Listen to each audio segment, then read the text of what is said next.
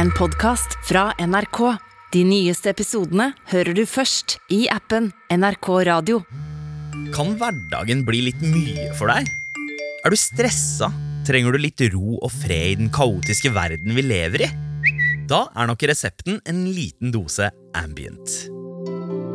For har du lagt merke til at alle yogaklasser, mindfulness-kurs, alle apper som skal gi deg en pause i det hektiske livet ditt, og ikke minst spillelister laget for å gi deg en følelse av zen, er lydlagt med samme type musikk? Den saktegående musikken som ikke tar noe plass og ikke vil styre følelsene dine. Denne musikken er det vi kaller ambient. Men hvordan ble ambient til? Og hva gjør den med oss?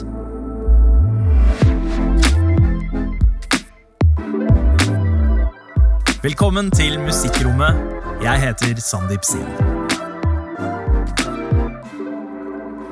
Det går ikke an å prate om ambient uten å snakke om en helt sentral person, nemlig mannen som oppfant begrepet. Amund Grepperud er produsent her i Musikkrommet.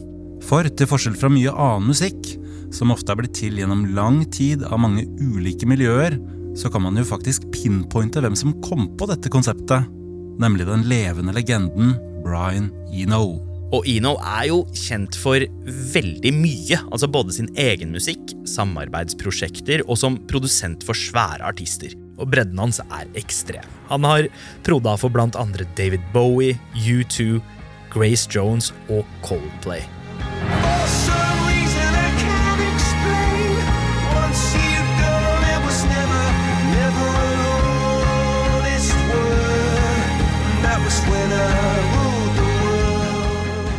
Han har jo med musikken han har laga, fenga massevis av mennesker som har skrudd opp både anlegg og øreplugger på full guffe og sunget med. Og det står jo i sterk kontrast til den musikken som vi skal snakke om nå. Og For å finne ut hvordan Brian Eno ble opphavsmannen til ambient, må vi starte historien et godt stykke før han ble født. Tidlig på 1900-tallet driver noen få komponister og musikere og lager behagelig musikk som ikke hadde noen annen funksjon enn å være i bakgrunnen.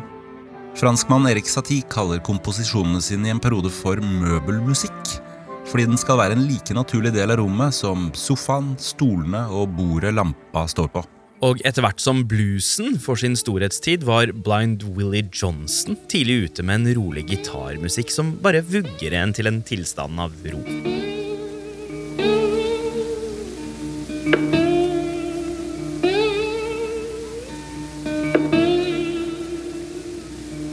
1920-tallet blir selskapet Musak oppretta, eller Wired Radio Inc., som de kalte seg først. Og de hadde den smarte ideen å gi folk musikk via strømledningene. Inn i butikker og firmaer og heiser og korridorer. Altså, OG strømming av musikk. Det, dette høres jo nesten ut som science fiction. Ja, det gjør nesten det. For på den tida her så har man funnet ut at en viss type musikk øker produktiviteten til arbeiderne. Og dermed lager Musak-selskapet musikk som blir sendt til arbeidsplasser mot at de får betalt med en liten bolk av strømregninga merka musikk. Men musikken går etter hvert også hjem til folket gjennom radio på 1950-tallet. For Musak, som nå er kjøpt opp av Warner Brothers, legger om driften og setter i gang storproduksjon av orkestermusikk, som er såpass behagelig og lett at folk ikke blir lei og skrur den av. Og de produserer ekstreme mengder av den og selger til alle som vil ha litt bakgrunnsmusikk.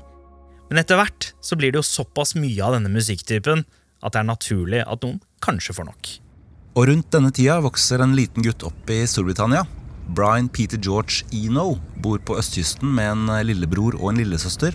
Og han er en smarting som allerede rundt konfirmasjonsalder skjønner at han har null interesse av en vanlig utdannelse og jobb. Han vil holde på med kunstmaling og musikk, og søker seg derfor til Kunsthøgskolen i byen Ipswich.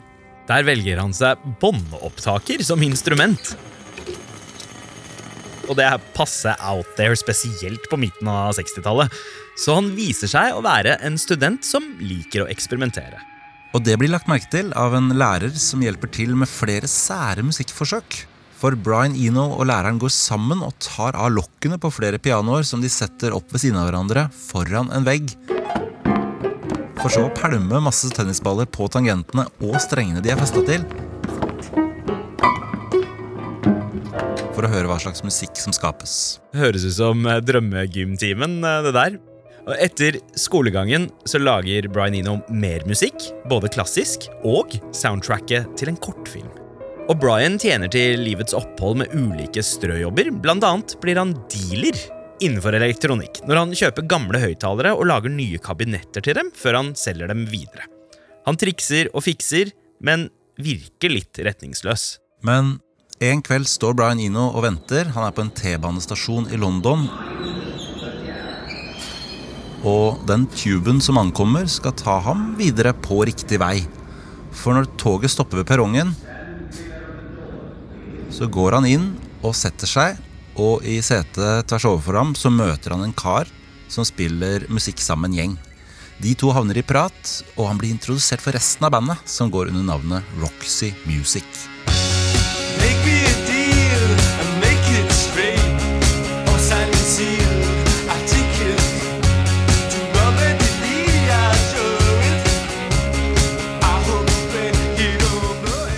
Og Brian Eno havner midt i den stilfulle glam-rock-gjengen leda av den elegante frontfiguren Brian Ferry. Og der tilpasser Eno seg kjapt og sminker seg enda mer enn de andre, mens han står i en ring av synter når han spiller og bruker ferdighetene sine med tape-recorderen fra studietida.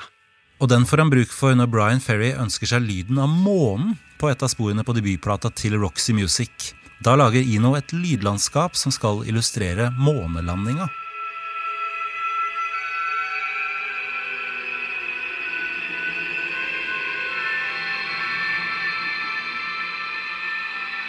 Eno er med på de to første albumene deres, men bandleder Ferry har problemer med at Eno får mer oppmerksomhet enn han. For Eno sine fans roper navnet hans så høyt under konsertene at det overdøver vokalisten. Og gnisningene mellom de to Brianene fører etter hvert til at Eno og bandet går hvert til sitt. Så da går Brian Eno solo og lager glammete rock på egen hånd. Men med helt fritt spillerom for alle sine egne ideer, og det høres.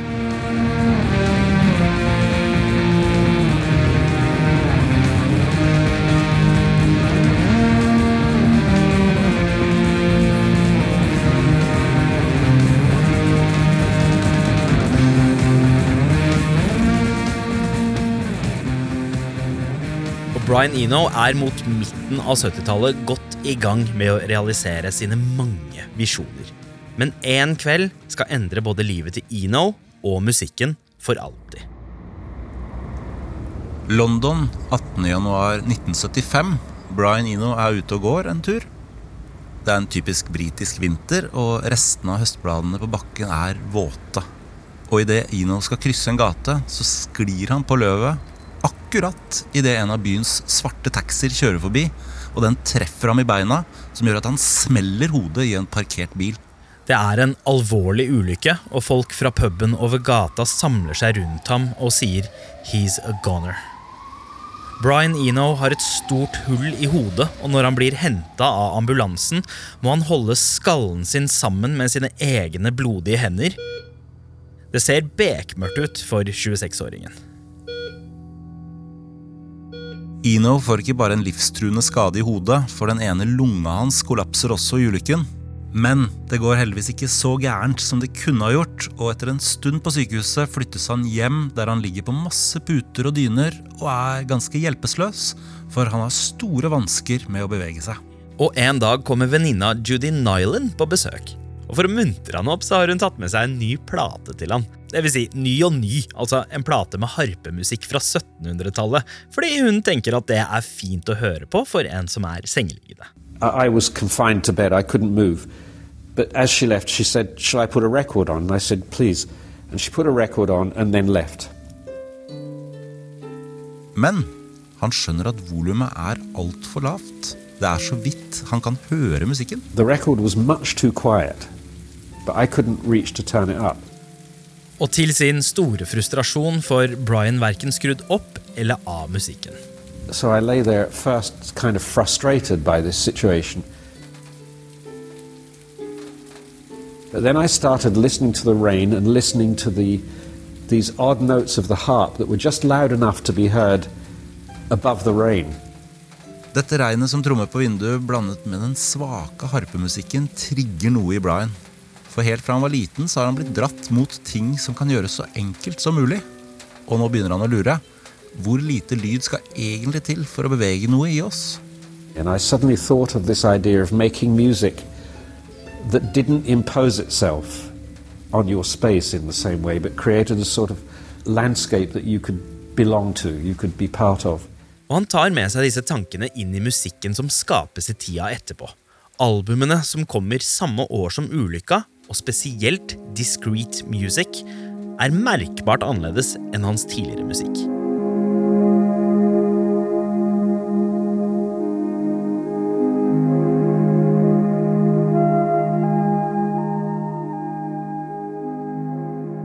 Og det samme er samarbeidet med gitaristen Robert Fripp. Deres dronete instrumentalmusikk får kallenavnet Frippertronics.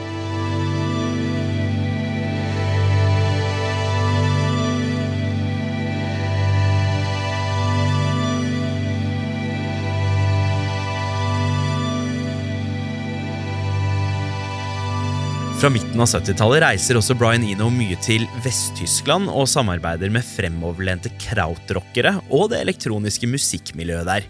Og produserer platene til en annen brite som har flytta dit. David Bowie. Don't you wonder sometimes about some vision? Brian veksler mellom å bo der og i London, og tilbringer naturligvis mye tid på flyplasser, og spesielt den som ligger i Köln. Etter mange turer begynner han å legge merke til at det alltid er bevegelse på en flyplass. Og det gir ham en idé som han bygger videre på. Den han fikk da han lå bundet til senga et par år før. For det å reise, det er jo stressende. Det er alltid mye å huske på, og rommet man befinner seg i, altså flyplassens avgangs- og ankomsthaller, de er jo litt kalde og, fremmede for alle turistene og businessfolka. There's something completely wrong that people don't think about the music that goes into situations like this. You know, they spend hundreds of millions of pounds on the architecture, on everything except the music. Så Brian ønsker å lage musikk som gjør det mindre stressende for de som skal fly. Og han starter på denne oppgaven i et studio i Vest-Tyskland. Og til forskjell fra den gamle Muzak-musikken, som ble spilt inn av svære orkestre, så går Brian helt nye og eksperimentelle veier for å lage sin beroligende musikk.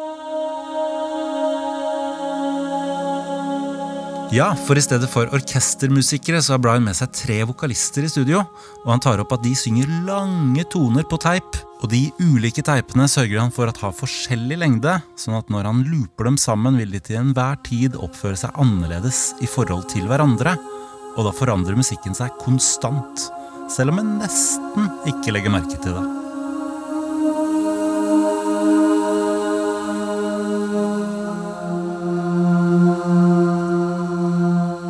Og denne forskningen, eller egentlig leken med lyd, gir resultater. For i september 1978 gir Brian Eno ut sitt aller første album med denne nye typen musikk, og kaller det Music for Airports.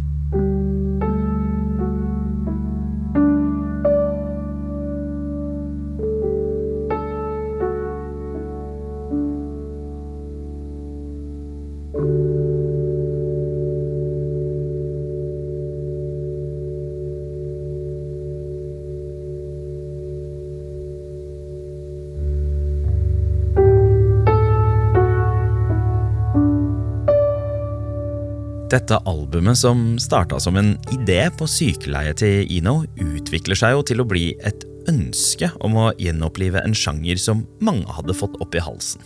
For i albumslivet legger Brian Ino ved en forklaring på hva han har kokt sammen på plata. Han har nemlig, så lenge han kan huske, vært irritert på det gamle selskapet som lagde bakgrunnsmusikk da han var barn. Ja, for Muzak spredte musikken sin så mye at det ødela på en måte ryktet til den stillfarende musikken som ikke tar plass, eller heismusikk, som alle begynte å kalle det. Og det var jo ganske nedsettende. Så for å komme seg vekk fra det dårlige ryktet til Muzak, er han nødt til å gi sjangeren et nytt navn. I det samme albumnotatet så døper han musikken sin for Ambient, og Music for Airports for prefikset, eller fortittelen, Ambient One.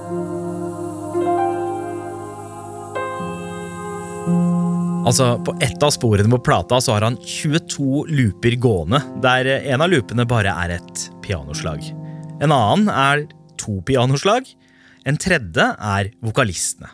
Og så lar han loopene gå litt sånn tilfeldig og dynamisk om hverandre, slik at det føles levende og organisk, og ikke maskinelt.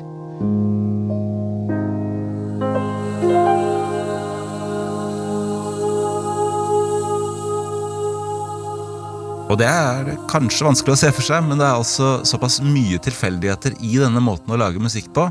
Så hver gang han trykker play på loopavspillinga, så blir det til noe nytt.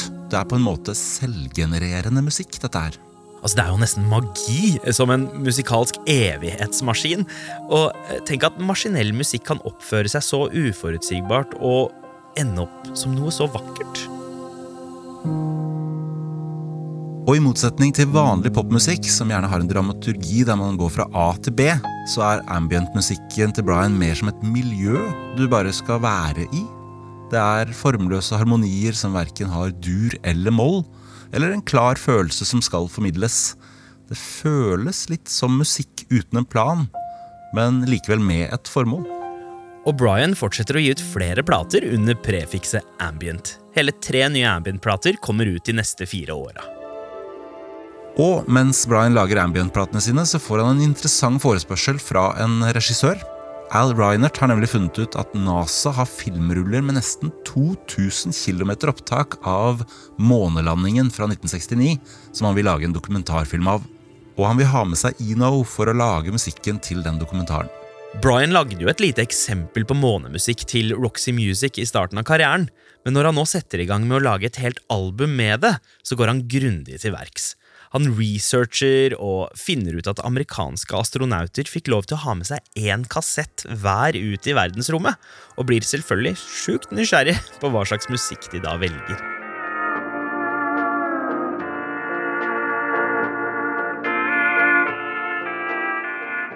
Og til sin store overraskelse så viser det seg at de fleste velger å ta med seg country. Which I thought was very interesting. That going out into space, you would literally take that Star Trek message, space, the new frontier. And so they took frontier music. I thought, how lovely to do space music that's a really expanded psychedelic version of country and western music.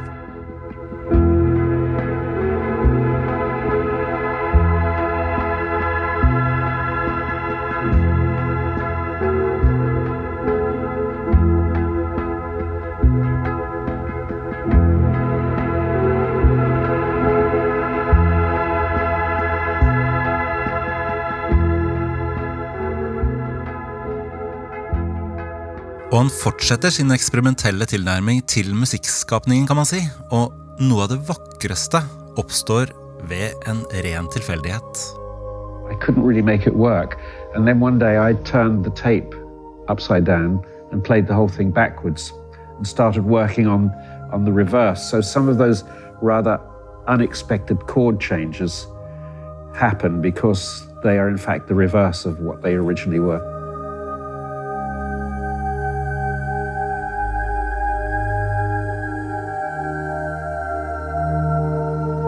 Sommeren 1983 slippes plata Apollo, Atmospheres and Soundtracks.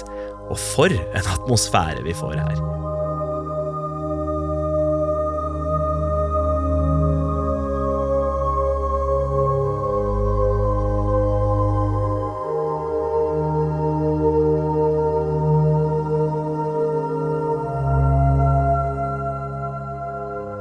Denne musikken inspirerer jo mange andre artister til å lage lignende musikk, og utover det neste tiåret så blir ambient utvikla videre og får undersjangre som ambient techno og ambient house. Ja, for artister som Afix Twin, The Orb, KLF og ikke minst norske Biosphere tar sjangeren inn i 90-tallet.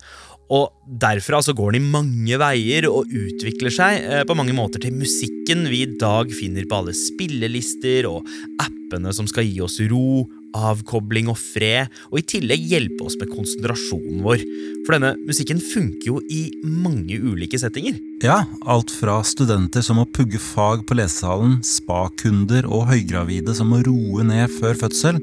For det er jo faktisk beroligende, helt på ekte. Forskning viser at denne musikken faktisk senker pulsen vår og gjør oss mer fokusert. Og en hører jo spor av ambient til og med når man starter en datamaskin.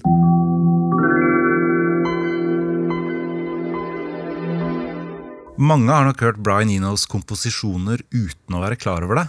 Og i noen av de mest hektiske filmklassikerne gir Brian Enos musikk en sterkt dempende kontrast, f.eks. i Trainspotting eller zombiefilmen 28 Days Later.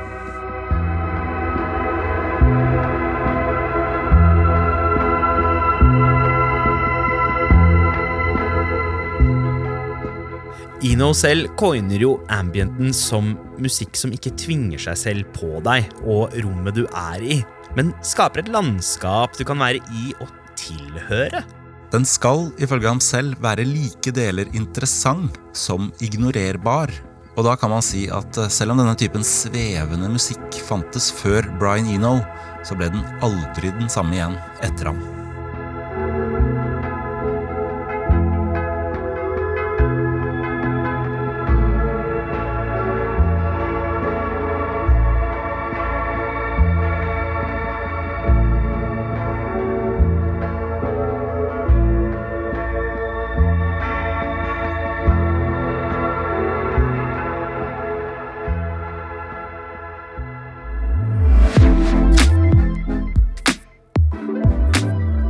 Du har hørt en episode av Musikkrommet. Hvis du likte det du hørte, anbefal oss gjerne til en venn.